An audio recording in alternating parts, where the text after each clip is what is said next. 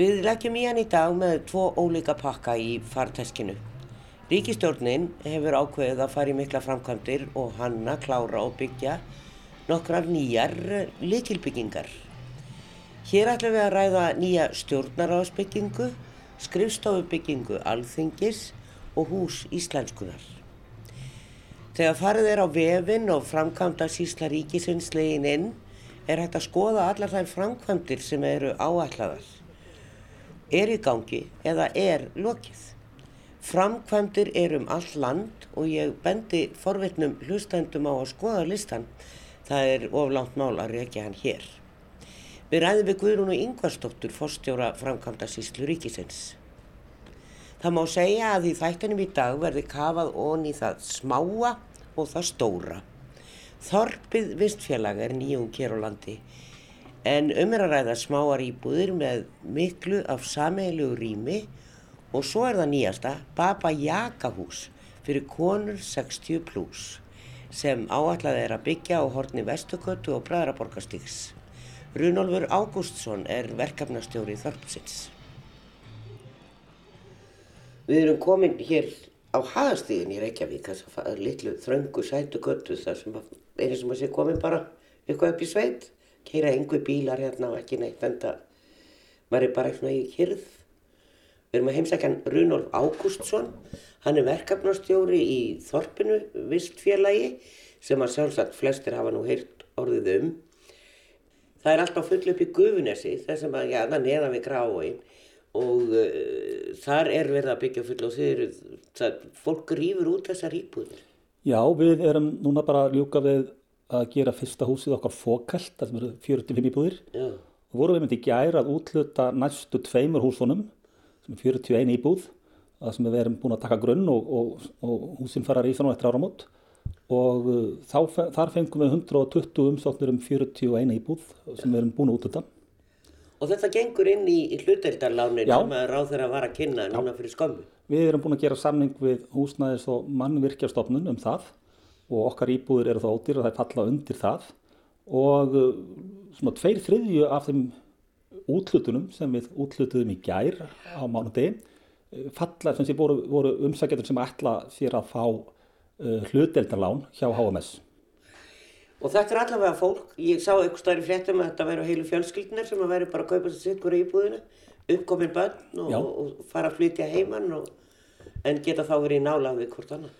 Já, sko, þetta er, fyrst og næst fyrir ungt fólk og fyrstu kaupendur Já. en í fyrsta áfanga þá voru nokkrar fjóra herrbeggi íbúður sem gengur ekki út sem við seldum þá á sumuverðum en á almenna markaði og þar voru foreldrar að kaupa og það er endar hugmynd sem fórum strax á stað með og heldum að væri spurn eftir sem hefur reynst vera rétt þar að segja að, að, að foreldrar uh, ungs fólk sem að gætna á það börn Já. vill auðvitað verið nágrunni við sína fjölskyldu og það er þetta hendut fyrir ungt fólk sem á ung börn að hafa af og ömmu í næsta húsi eða eitthvað fólkis og þetta er voðalega fallegt og, og skemmtilegt.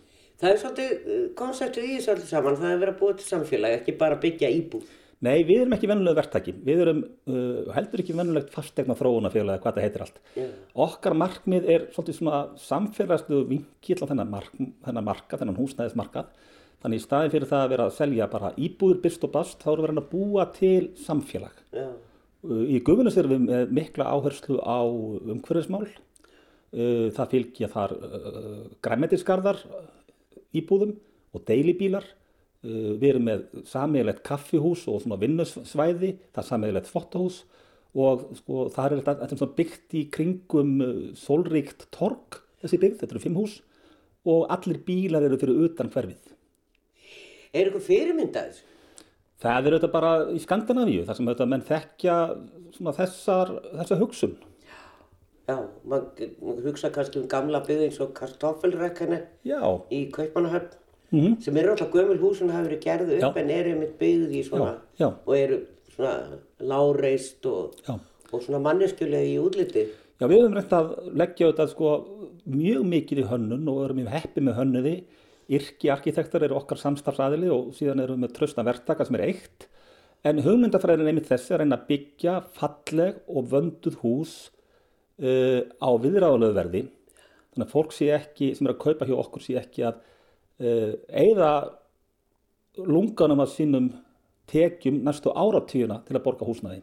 Af því ungt fólki í dag vil ekki endilega binda allar þínu eignir í steinsteipu, það vil líka bara ferðast og njóta lífsins og gera aðra hluti. Já, þannig að þetta eru, þetta eru smáar íbúðir. Þetta eru smáar en vel hannar íbúðir, þannig að við nýtum einasta fermetir.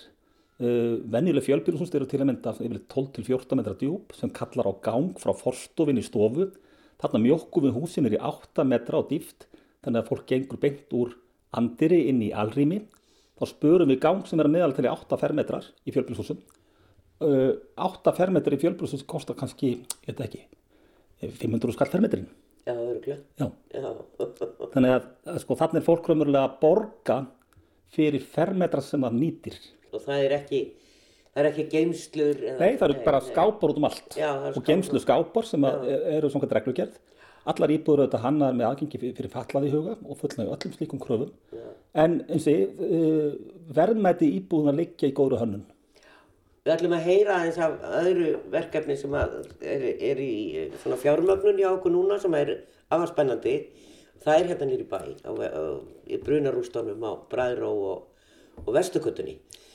En kannski fyrst aðeins að klára þarna í Gufunesinu því að þar er náttúrulega líka búið að setja niður fimm hús fyrir heimilislausa og, og ég fór svona hugsa um, já, ég bjó nú ekki að langt frá um tíma og það var engin strætt og ég nýtti mér farið með verkamennunum í ábyrðaversmiðunni þá lappaði þanga niðrittir og fekk að fara með bílnum klukkan 8 á mótnana þegar að búið að skila mönnum í vinnu. Og svo nætuvaktinni heim þá komst ég í, í bílinn í bæ. Og eh, en, en þetta er svolítið vandamál því að það er, það er náttúrulega á eftir að byggja heilan hellingarna en það er enga samgöngur þarna núna og ég fór nú bara að hugsa um þessa heimilislausu sem að koma til með að vera þarna þá er þetta svolítið mál Þetta náttúrulega er nýjasta hverfi borgarinnar. Já. Við erum að byggja þar fyrsta húsið en uh, uppbygging verður með hröð. Nágrann okkar uh, sem heitir Spilda sem er að, er að fara að byggja þarna 300 íbúður sem er alltaf að byrja á núna í mars. Það eru mjög dýrar að vandaðar íbúður fyrir svona annan markkóp heldur en við erum að horfa á. Uh, borgin auðvitað þegar fyrstu íbúar okkar flytja inn núna í sumar og borgin allar sér bara að tryggja nöðsilega samgöngur, tengingu við strætókerfið og síðan er borgarstjóri búin að lýsa því yfir að þarna verði komið á vatnastrætó sem er þá tengja Guðunesið frá Guðunesbryggjunni gömlu niður í niður að miðbakka og það er ekki nema korters sigling þar á milli. Þetta er nefnilega og svo bara í rauninni er þetta ganga yfir í við sko. Já, það eru 600 metrar, vísu, þú þarft að ganga vatni, en, en það eru þetta hugmyndir líka um, um göngubrú þar yfir, til já, mynda. já, já, já, það hefur verið talað um Já. það en hverfum nýra á, hotni á Vesturgötu og, og Bræðraborgastíð staði sem er búin að vera mikið í fréttum fyrst út af hræðilegum bruna og, og andláti eða fólki sem að fórst þar í brunanum og síðan er þetta hús búið að standa þarna einn bruna rúst og með neti yfir og, og einhvern veginn allt í stó og, og byggingafulltrúin alltaf hafði áhyggjur af þessu og, en það var eitthvað vesen með eigendur og tryggingafélög. E, nú eru þið að fá samþygt kauptilbóð í þetta horn. Það er rétt. Já, Það er bæði að, sem sé, tvær eignir, annars vegar brunarústinn, uh, nummer eitt, og hins vegar gamalt uh, forskala timburhús, nummer þrjú, og við erum búin að setja fram uh, hugmyndir um endurbyggingu á reitnum, þar sem þessar tvær lóður eru teknar umverulega sem heild og byggðar upp sameigilega, sem fela þó í sér að endurgera gamla húsið á nummer þrjú og, koma því til vex og verðingar í upprunulegt útlitt en að byggja nýtt hús á uh, nummer eitt sem myndi þá fara hérna á hotnið á Bræðraborgastíg og Vestugötu. Þetta er mjög viðkvæmt verkefni, götumyndin er viðkvæm og það þarf að vanda vel til verka en við erum að vinja þetta í fullu samstarfi við, við borgina og við minnjastofnum og ætlum að hafa samráð við nágranna og því að við þetta viljum bara vinna þetta með fólki og endurreisa virðingu og mikilvægi þessa reits því þetta var áratugum saman uh, eins konar félagsmiðstöð í hverfinu. já, hvernig þá? Uh, Þarna var rekið bæði bakari og verslun. Þarna var Sveins bakari rekið uh, áratugum saman og það er gaman að segja frá því að í nýri bókum Spönskuveikina kemur þetta hús fyrir. Já. Þau hjónin, Sveitn og Steinun spöku hann tóka að sér fimm munarlega spönn í Spönskuveikinni og komið til manns og þar á meðal var meðal annars uh, ungur drengur sem hétt Guðmundur sem tók sig við bakaríinu og hann var einn af sterkustu skápunur Reykjavíkur. Þannig menn fóru gætnan til hans að tefla og gekk nú misvel og þaðan mun vera komin málsáttur að vera tekin í bakarhýð. Já, er... Já, og þá fórum menn til Guðmundar og töpuðu fyrir honum í tabli í Svensbakari Já, á Bræðarborgastíð 1. já, já, gaman að því. En, en þetta er svolítið skemmtilegur hópur sem að er að sækjast eftir því og að- það eru konur sem komið til því. Nokkra konur saman, feministar, galdranorni. Það komu til mín, já, nokkra konur og til okkar í þorpinu og sögðu bara, þetta er svo flott þarna verkefni í Guðunessi og við höfum hugað því að hvort að við getum ekki, hvort þið geti ekki bara gert eitthvað sambarlegt fyrir okkur með svona sama konsepti.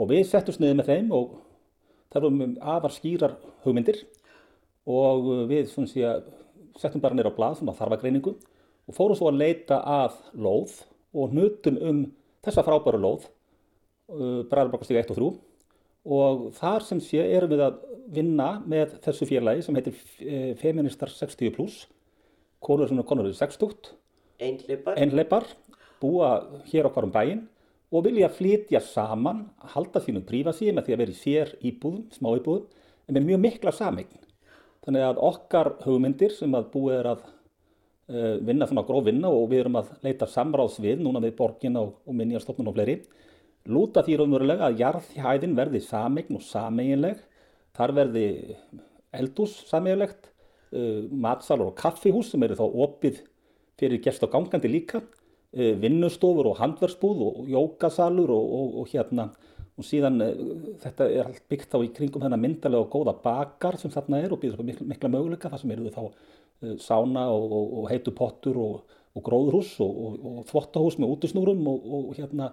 Og svo íbúðir á efri hæðum, smá íbúðir, litlar íbúðir, tveggja herbyggja 45 fermetra íbúðir cirka.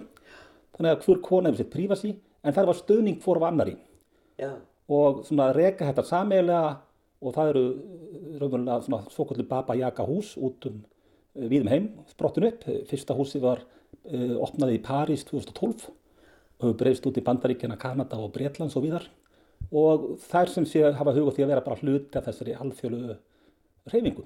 Baba Yaga. Baba Yaga. Baba Yaga mun hafa verið norn í Slóveníu held ég eða Östra-Európu. Hún bjó með systrun sínum í húsi út í skógi. Húsi stóð á kjúklingafótum og svo hérna þessar nornir átu gerðan menn. Já, það er, þetta er svolítið skrítið sko. Þetta er svona pínu grýlu, Já, já. þetta er svona grílu mynd. Eh, Feministar hafa nú löndi ymsu bara með því að segja að ég er feministi og, og, og það er bara verið ráðist á þær bara fyrir að segja orðið. Eh, Hvað þá að líka þegar við Baba Yaga norn nokkra og sem að átt menn. Og þetta, hvaðan kemur þetta nafn í rauninni? Þetta er um bara þetta sem sé, þetta, þetta heiti sem er sem sé uh, sett á þetta hús í Fraklandi. Ég þekki ekki nákvæmlega söguna þar en uh, ég held að feminismi sé orðin mjög, uh, hvað ég segja, viðtekin skoðun í okkar lífsskildum sem samfélags og við séum nú bara vonandi flest hver feministar. Já, og búin að svona átt okkur á því að þetta er ekki... Það er engin ógn- orð- það er engin ógn í þessu. Í þessu. ekki einu fyrir, fyrir miðaldra kallmenn. Nei, nákvæmlega. Snúum okkur aðeins aftur að þessum, þessari byggingu. Hvað erum við að tala um margar hæðir? Sko, við erum að tala um núna í þessum hugmyndum erum við að tala um tvær til fjórar hæðir Já, eh, byggt í kringum þennan garð þar sem að Bræðarborgarstígur 3 er þá endurgerður í upprunlega mynd og hækkaður um eina hæð eru þá tvær hæðir og ris og síðan erum við þetta með hotnhús 2 sem eru svona mismunandi. Þannig að við erum að- annars verið að vinna með uh, þessa mjög svo viðkvæmu götumynd á vesturgötunni þar sem þarf að vanda sérstaklega vel til og sína virðingu. Og svo erum við með aðeins herri hús þá á sko, bræðra borgarstíksmegin en það býður götumyndin þar upp á slíkt. Og svo auðvitað sérstaklega líka ránagóttum megin þetta bakvið erum við auðvitað að vanda okkur líka. Þannig að þetta er, þetta er vandasamt verkefni en við erum tiltúlega ánægð með þær uh, frum tillögur sem við höfum sett fram og fengið góð viðbröð en þetta er þetta bara í þróun og ég segi þetta er samvinna okkar með borginni, minjastofnun og nágrunum og hverfinu. nákvæmlega. Og konunum sem komið til ykkar. Að sjálfsögðu, það er þær sem að drífa vagnin, Já, við erum bara verkfæri. Já, hvaða konur eru þetta? Þetta eru bara alls konar konur í, í þessum hópi sem við höfum verið að ræða við, ykkur 5-10 konur og hérna þær eru bara byrst og bast um bæin og búa í hérna alls konar húsnæður, alls konar störfum og, og bara alls konar fólk eins og við hinn sko. Já, og búa kannski allt og stórum íbúðum af því að þær eru einhleipaðar. Já, mögulega og vilja þetta bara minka við sig uh, og flytja saman og hafa stuðning fóður af annari og þetta er enda búsetuform meðan eldri borgara sem er að breyðast mjög hratt út til þessi í Skandinavíu. Svokvöldu kjarnasamfélög þar sem fólk saminast, býr saman í svona co-living eða hvað þetta kalla, svona, svona sambílum eins konar uh, út frá samilum gildum eða áhugamálum eða einhverju sem saminar fólk. Og þetta er til dæmis núna, ég var að sjá tölur frá Danmörku, að tæp 10% af dönskum ellilífriðsþegum búa í svona formi og það verður gera skoðanir, kannanir og, og greiningar á þessu og þetta fólk er almennt sem miklu ánæðra með sitt líf heldur en þeir sem búa inn á elliheiminum eða í einhverjum þjónustu kjörnum með einhverju fólki sem þekkir, þekkir ekki neitt. Já, nákvæmlega. Og kannski að borga alltaf mikið fyrir. Þar fyrir utan. Þarna getur fólk svona stutt við hvort annað. En Já. þú segir það er sammeilegt eldhús og ég svona fór að hugsa um það, jú það er fínt að hafa eitt sammeilegt eldhús en það hljóta að vera einhver eldunar aðstæða Já, já. í íbúðunum. Þessar íbúður eru, þar erum við að nota mótilið ofnum gufunissi, vel hannaðar uh, litlar smá íbúðir og þar eru þetta fullbúið eldús Já, og bað og alrými og settumbergi. já, já. Þannig að fólk hefur allt til alls að það bara kannski að vinga við sig aðeins af... Svo eins og einhver saði sko, af hérna, einhver, einhver hvernana saði hér á einhverjum fundunum sem við erum búin að eiga með þeim, uh, maður þarf ekki að fara í fílu og elda bara sjálfur. Já, þetta, bara fyrir lausu kompanýr. Og maður vil kannski ekkert alltaf hafa kompanýr. Nei, þannig að þetta er bara val sko. Já, nákvæmlega. En hvernig gengur að fjármagna þetta dæmi? Uh, þetta auðvitað er verkefni upp á, ég veit ekki, kannski miljard þessi uppbygging uh, og við höfum leitað til fjárfesta og fengið afar góð viðbröð og ég er mjög bjársettan því við bara munum loka því hratt og vel. Við höfum til 7. Jan janúar til þess að klára þetta og greiða þetta og ég er bara bjársettan það að það náist. svona kannski í lokin, Runólfur, er sko af því að þú segir þetta er að við setja rúms í Skandinavíu, þá jafnvel hjón, ekki bara nei. svona hvenna norðnahús, en, en, en hérna sem er reyndar bara mjög skemmtileg hugmynd. Ég ætla að vona að verði svona norðnaversluna þar sem selur allavega júrtir og eitthvað svona spennandi og hérna þannig að maður getur verið svolítið skelkaður að koma þangað. hérna. En e, sérðu fyrir þér að það verði byggt meira svona í framtíðinni? Ég held að þetta Svona bæði já, vistþorpið og... já, ég held það við auðvitað erum að leita að verkefnum líka og horfa til þess að þessi verkefni bæði gufunum sem hefur gengið gríðarlega vel, mjög mikil eftirspurn og við höfum hitt þar á einhverja töfrastund, höfum hitt þar á uh, bara það er nákvæmlega þetta sem ungt fólk vill, þannig að eftirspurnin er þreföld hjá okkur. Þannig við auðvitað reynum að halda því áfram og hafa auðvitað spennandi en að koma einhverju slíku hér nýr í bæ. Hins vegar auðvitað sjáum það líka af, af, í framtíðin að eldri borgurum er að fjölga mjög hratt og þar þurfum við virkjara sem samfélag að búa til nýja búsötukosti og þarna held ég að séu mikil tækifæri og miklar áskorunir. Já, Því að uh, þetta auðvitað bara er framtíðin, við erum öll að elda sem þjóð.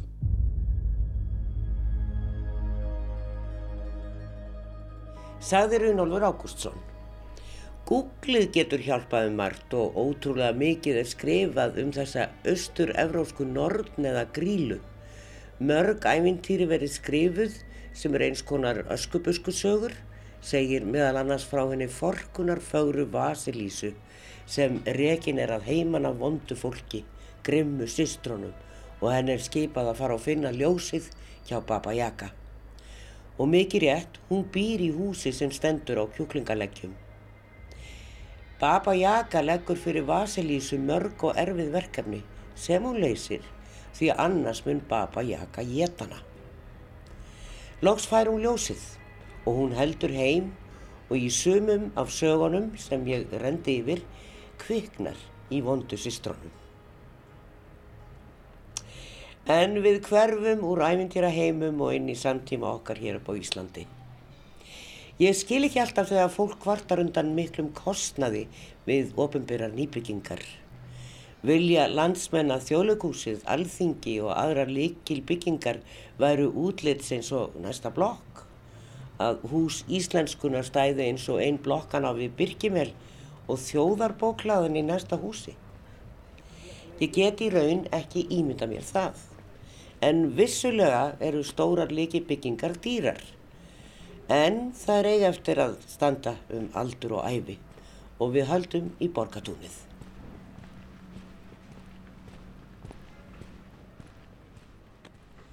Já, eins og sagt að frá í upphafi, þá ætlum við að heyra í framkvæmda síslu ríkisins, þetta er rísa batteri eins og við getum ímyndað ykkur. Það eru alveg ótrúlega framkvæmdir og ég fór yfir listan og ég ætla ekki að reyna að lesa það fyrir ykkur góður listandur. Þetta var bara blaðsíða upp og blaðsíða niður og ógulega margt í gangi. Og enda var það stefna ríkistjórnarinnar núna eftir okkar remmingar og heimsins í, í COVID að, að draga ekki land heldur gefa í og ég, mér skilst að þessi búið að ráða fjöldamanns til framkvæmda síslunar því að verkefnin eru mörg. Og við ætlum svona að dvelja aðeins við þrjár svona líkilbyggingar sem að verða líkilbyggingar það er nýbygging við stjórnaráðið og það er skrifstofur alþingis sem að verða í tjarnakottunni og hodnin á vonastrætt og tjarnakottu og það er byrjað að vinna þar. Og svo er það árnastofnun út á við hlið bóklöðunar eiginlega, þjóðabóklöðunar og það hús er komið hansi langt. Já, við ætlum svona að forvittnast um þetta og svona kannski annað sem að framkvæmda síslan er að sísla við. Fórstjóri er Guðrún Ingvarsdóttir og við erum sestar hérna niður inn í fundarherbyggi. Það er alltaf fámið hér eins og öllum stöðum sem ég kem á, við erum tvær hérna bara, allir farnir. En þetta eru gríðarlega verkefni og það er rétt hjá mér, það er búið að ráða slatta fólki til framkvæmdsíslunar undanfarið. Búið að fjölga stafsmunum. Jú, það er alveg rétt. Uh, það helgast, uh, bæðirindar hefur orðið svolítið nýliðun bara vegna aldurs og það var uh, hérna, ákveðin hópu fólk sem var komið bara að leiðina eftirlaun og þurfti að, hérna, að fá nýtt fólk inn í staðinn.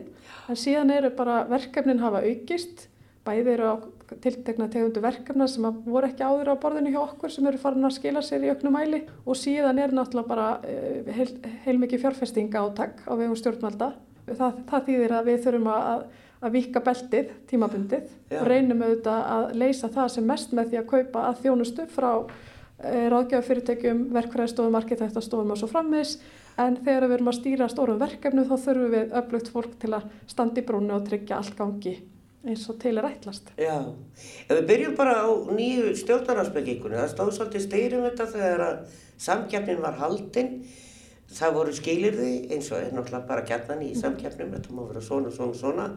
Það var ekki, ekki skilgrind nákvæmlega en það var hérna lagt aðlega upp úr því að þetta, hvað getur við sagt, að þessi bygging að hún tröflaði sem minnst ásýnd stjórnarhásúsins þannig að gamla stjórnarhúsið og ásýnd þess fengi að njóta sín áfram.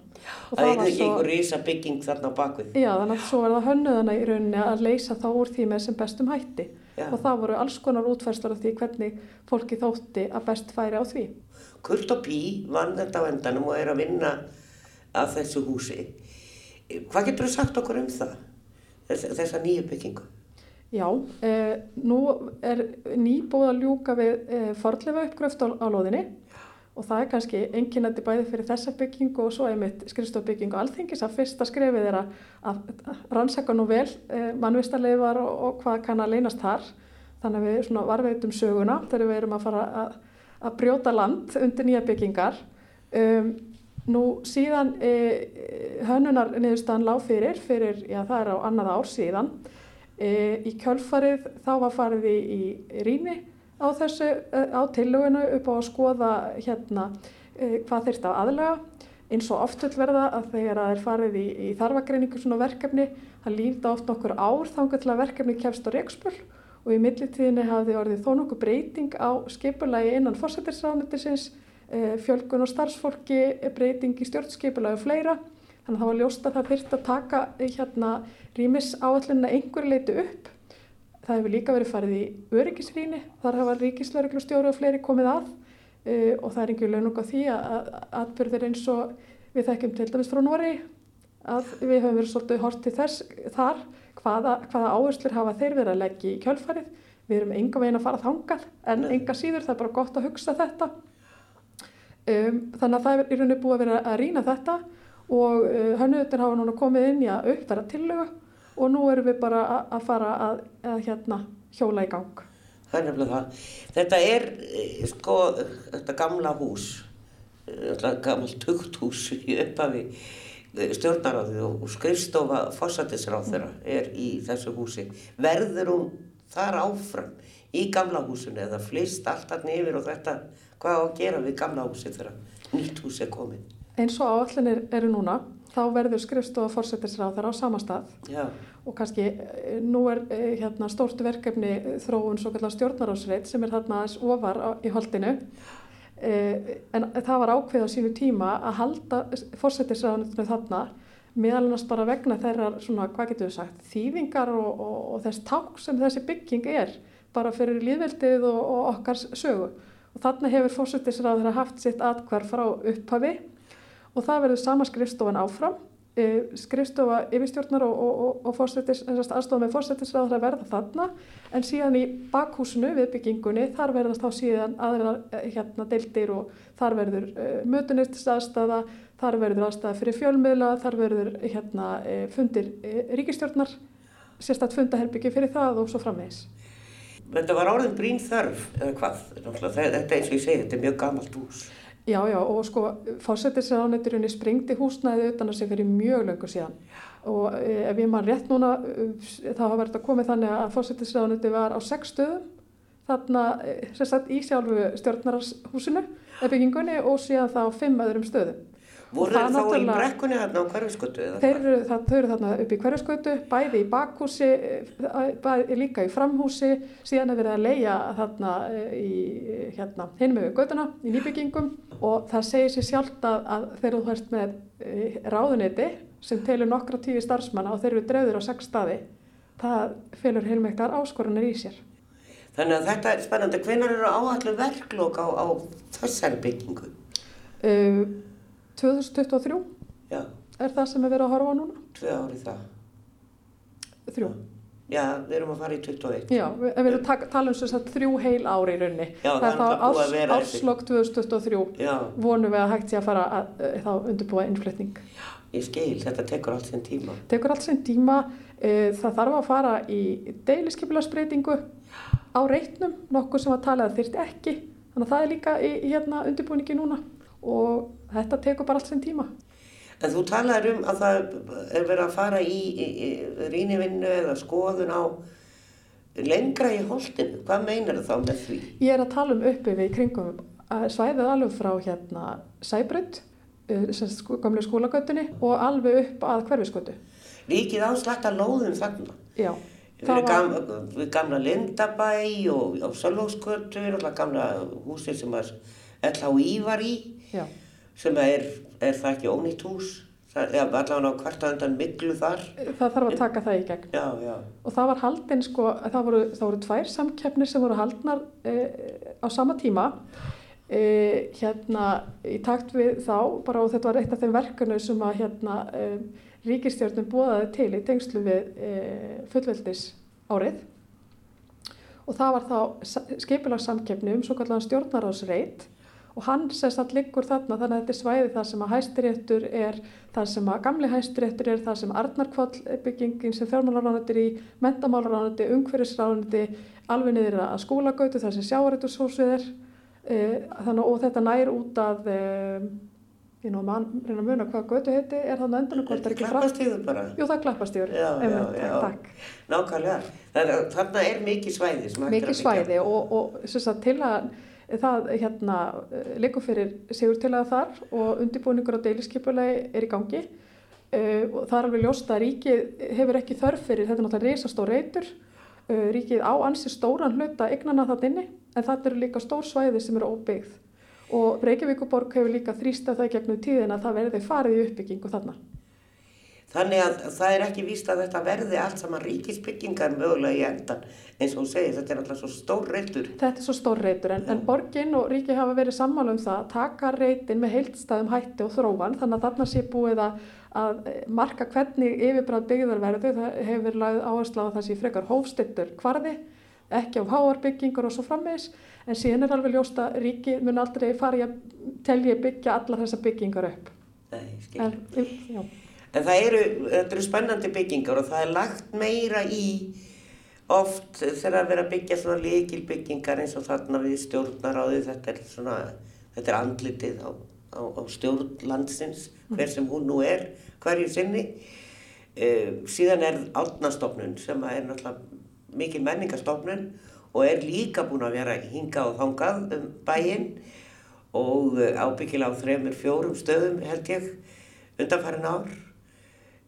Það hús er eh, svona, maður sér það rísa, minnir svona smá kólusegum, það það er svona spórinskilaga og eh, en ég hef heyrt samkvæmt að ég er nú ekki séðu tekningarnar en það verður nú gert í framhaldinu að kíkja á þær og ræða við höfunda.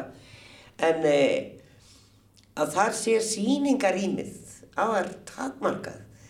Og það var að vera að segja mig frá því bara til dæmis í, í öðru löndum sem að geima verðmætt handrit að það er eftirsóknarvert að koma og skoða mörgundur ára gömul handrit Eh, Var þetta í, er þetta rétt gaggríni eða er þetta, eru sögursagnir þegar byrjaðar?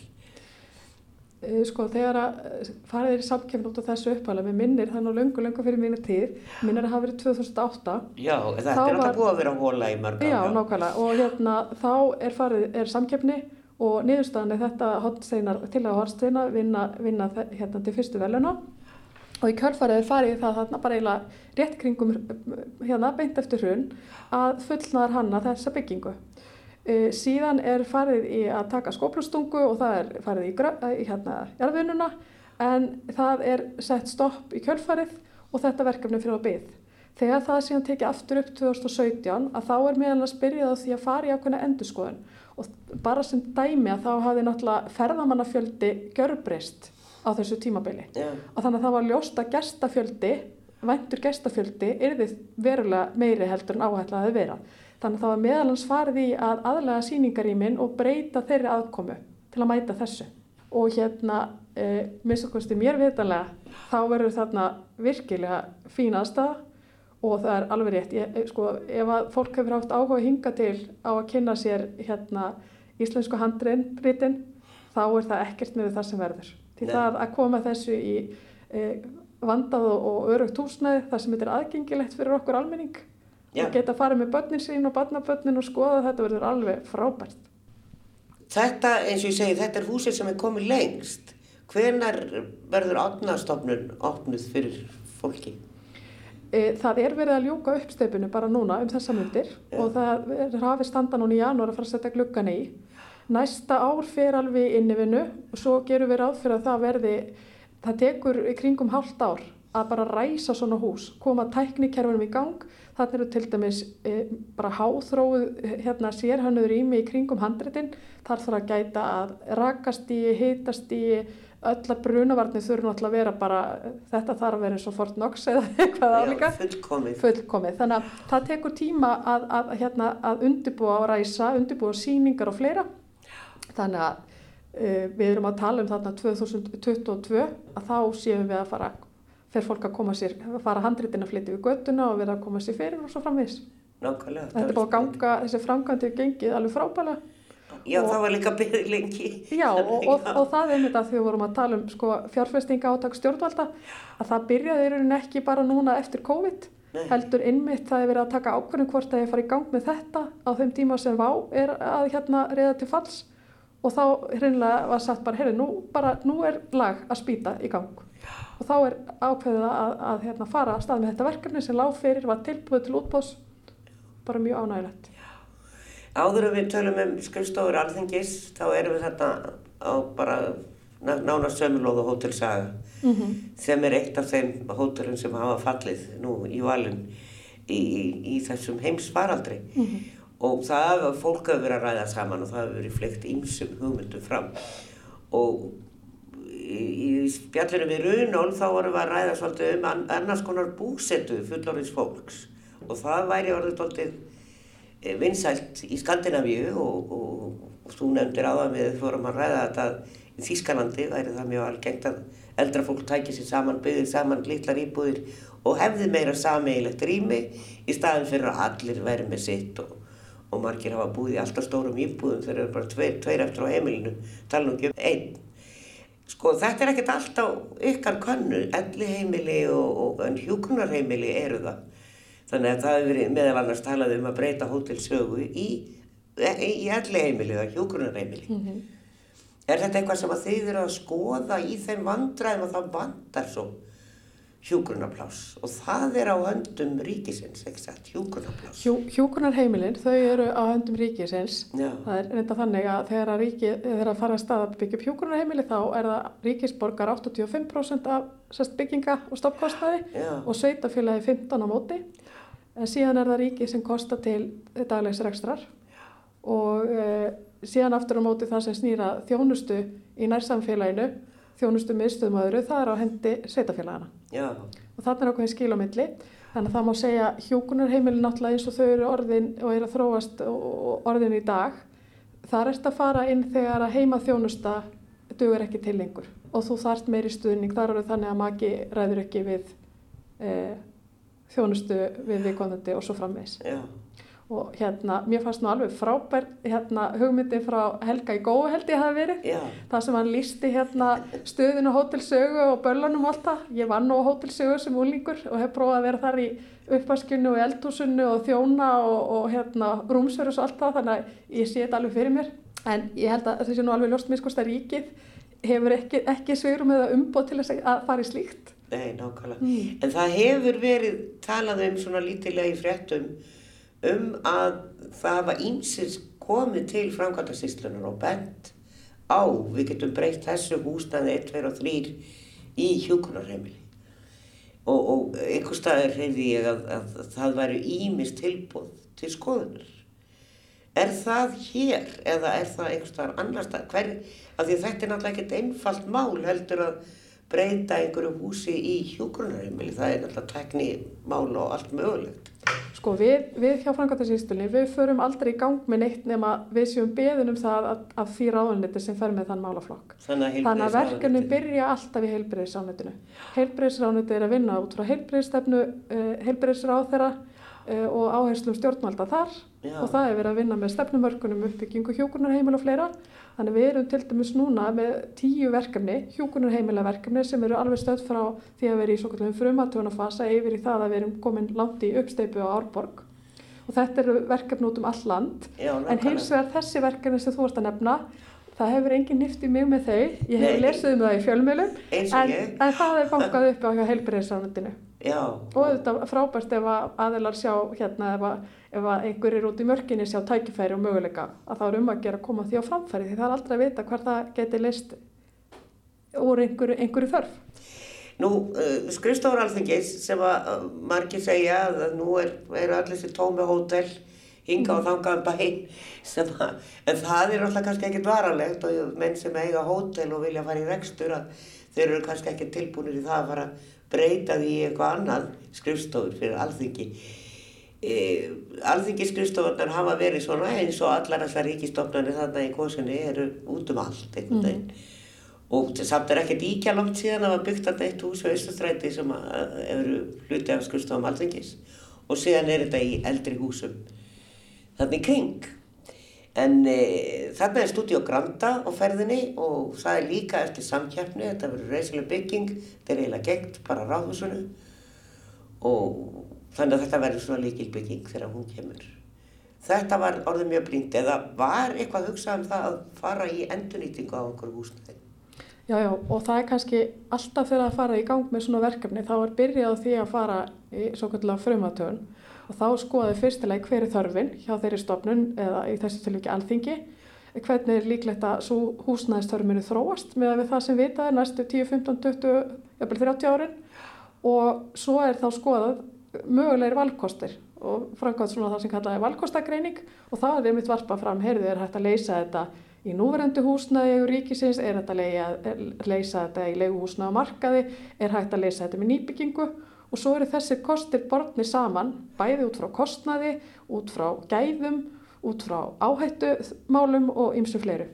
Og niðurstaðan þarna var svo, að alþingi leigir í dag á nokkuð mörgum stöðum þarna í kvosinni, að það, þetta, yrði, hérna, þetta væri framtíðarleiðin. Og almennt er nú ekki, sko, almennt er nú áherslana hjá ríkinu að fókusera frekar á því að skrifstofuhúsnaði ríkisaðli hérna á höfbarkarsvæðinu fari út á, í legumarkaðin og þannig örfum við þá hérna legumarkaðin uh, og, og, og þau félag sem eru þar starfandi. En þannig er um það sérhæða starf sem er ræða eitthvað sem er klárlega, meina, stopnarnir geta stækka og mingað en alþingi er nokkuð stabilt. Já, það er náttúrulega að losna þetta líka all, allt húsnaði landsbankans. Stutt í að bankin rýsir þarna í lækjaköttunni, komið land á veg og þá erum við að tala bara um sko austustræti og hafnastræti, allt held ég. Þeir eru að nútum allt og fyrir utan alltaf einhvern tíma að fara á hótelni í gang en e, þetta er alltaf banki í eigu ríkisins og landsmanna, landsbankin. E, er eitthvað byrjað að hugsa um hvað verður um allt það húsnaði sem að losnar þegar landsbankin fer og hefði það verið kostur fyrir alþingi? Sko nú er eignir landsbankans, það er heyra bara beint undir landsbankans sem er ekki ríkistofnun heldur er félag. Þannig að það er eitthvað sem ég hef ekki bara, veit, ég veit ekki í sjálfu sem meira heldur en einn almenni borgaru um það. Það er eins og eitthvað svipað eins og ríkisútarpið og HF? Já. Eitthvað slíkt? Já. Þannig að það er í höndum stjórnar landsbankans? Það er í höndum stjórnar landsbankans í rauninni hvernig fer, fer með það, það, það, hérna, það húsnæði. Allt saman, já. já. En það sem er kannski með sko, skrifstofubyggingar alþingis að þannig náttúrulega eh, þessi námt við eh, alþingishúsið og skálan og aðra aðstöðu þar að þarna verður innangengt á milli, það skiptir máli. Eh, það hefur verið að byggja þarna náttúrulega sko almennilega aðstöðu og bara vandaða aðstöðu fyrir hérna nefndar nefndarsvið alþingis og þá fundarsali sem þarf til góða aðstöðu þar sem hægt er að vera með upptökur þegar það eru útarsuptökur og, og sjónvarsuptökur eh, það er jafnframt þess að mötunetti alþingis er algjörlega sprungið það er pínulítið eldhús sem að hérna, veitir þjónustu stórum hóp eh, fjöldi aðstofamanna og bara starfsfólk alþingis hefur vaksið og þetta er bara þróun sem við sjáum alþjóðlega, þetta er ekkit einstakt á Íslandi Þannig að e, það var alveg ljóst að það þyrst að bregðast miklu meira heldur en að bara að skaffa skrifstofur. E, þannig að þetta, hérna, þetta var að tala um besta lausnin og er það klárlega. Stúdíogranda tegnar þetta og hann er þetta hús og þau hann er nú ráðhúsi þannig að það er kannski vel að á milli þessara hvað 40 ára eða hvað á milli að þau séu komin hann að hinna með við göttuna. E, hvenar er áallega að að þetta, þessi bygging verður komin í, nótkunn? Framkvæmdir er að hefjast bara núna þess dana. Það er að segja að jarðvinninu er lokið Já. en uh, e, þottgeverk sem að uh, fengu verki núna og, og var gengið frá samningi bara fyrir um mánuðu síðan þeir eru raunin að fara í gang núna, er búin að vera að koma upp vinnuðastuðin sinni og, og, og íta úr vör.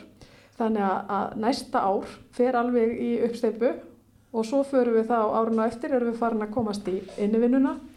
Það er hérna gríðarlega uh, falleg og, og mögnuðurinn í steinklæning með eh, fimm tegundum af íslensku steinum eða hjartegundum sem koma þarna utan á. Það var byrjuð að vinna því að saga það niður og afla þess efnis fyrir ári síðan vegna þess að svo framlista tekur það langan tíma. Það er bara steinsmiður Íslands get ekki við, annan nema, nema svo og svo miklu. Þannig að það er búið að stilla þess, það, það hefur verið svolítið ráðandi þáttur í framkvæmdini.